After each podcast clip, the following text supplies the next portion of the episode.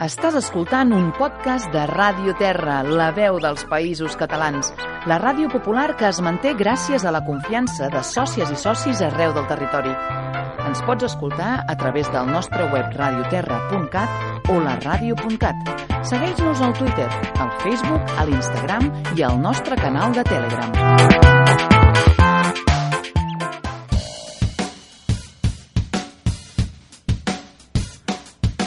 Economia crítica, denominació d'origen de qualitat TAIFA. Coordina i presenta el Seminari d'Economia Crítica TAIFA.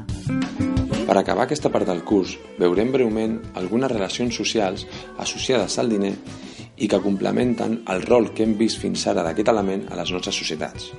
Podem començar per dues funcions socials, com serien per un costat l'estatus social que genera la possessió de diners i que determina alguns comportaments que es produeixen a la societat i que per tant són importants per entendre, per comprendre la societat capitalista actual, o, per exemple, una altra funció com seria la generació de set de riquesa que es veu molt clarament, per exemple, en el món financer, amb la brutal set d'acumulació de diners sense més sentit que tenir més diners que els altres. En el marc d'aquestes o de, sí, d'aquestes funcions socials del diner, és interessant, és interessant considerar que el diner és quelcom que et permet accedir a la satisfacció de, tots, de totes les necessitats i plaers i això es produeix d'una manera més important quan més mercantilitzada estigui una economia. És l'equivalent al que seria la pedra filosofal, aquella pedra que et permet accedir a tot el coneixement del món, doncs el diner seria aquell element que et permet accedir, si el tens, a la satisfacció de totes les necessitats.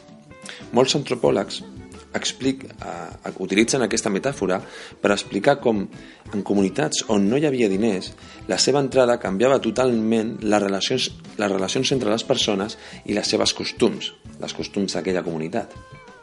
Les comunitats, a partir d'aquell moment, s'orientaven a un rol mercantil i les persones que podien acumular diners tenien un poder que abans no havien tingut, o que fins aleshores no havien tingut. Per altra banda, en l'actualitat, el diner forma un sistema d'alienació que ens amaga les relacions socials existents en l'activitat econòmica. És a dir, quan, per exemple, quan anem a comprar i intercanviem diner per mercaderies, aquestes, amag aquestes amaguen l'intercanvi d'hores de treball que s'està produint en el mercat. Per tant, estan amagant, que el diner aquí està amagant aquesta relació social. O quan, per exemple, reps un salari en diners, ets aliè al sistema, o pots ser aliè al sistema d'explotació, ja que si, per exemple, tu treballessis produint cadires i també cobressis el salari en forma de cadires, i, per exemple, produeixes 120 cadires al mes i et paguen, per exemple, 60 cadires, tu veuries clarament que algú s'està emportant 60 cadires, unes 60 cadires que han sigut produïdes pel teu treball.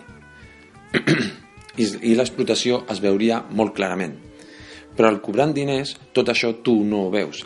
El diner amaga aquest sistema d'explotació, aquesta, està amagant aquesta relació social entre dues classes socials. Aquest és un exemple molt bàsic però que ens ajuda a veure una altra funció del diner i comprendre una mica més el paper del diner a la nostra societat que ha sigut l'objectiu principal d'aquesta part del curs d'entendre el sistema capitalista.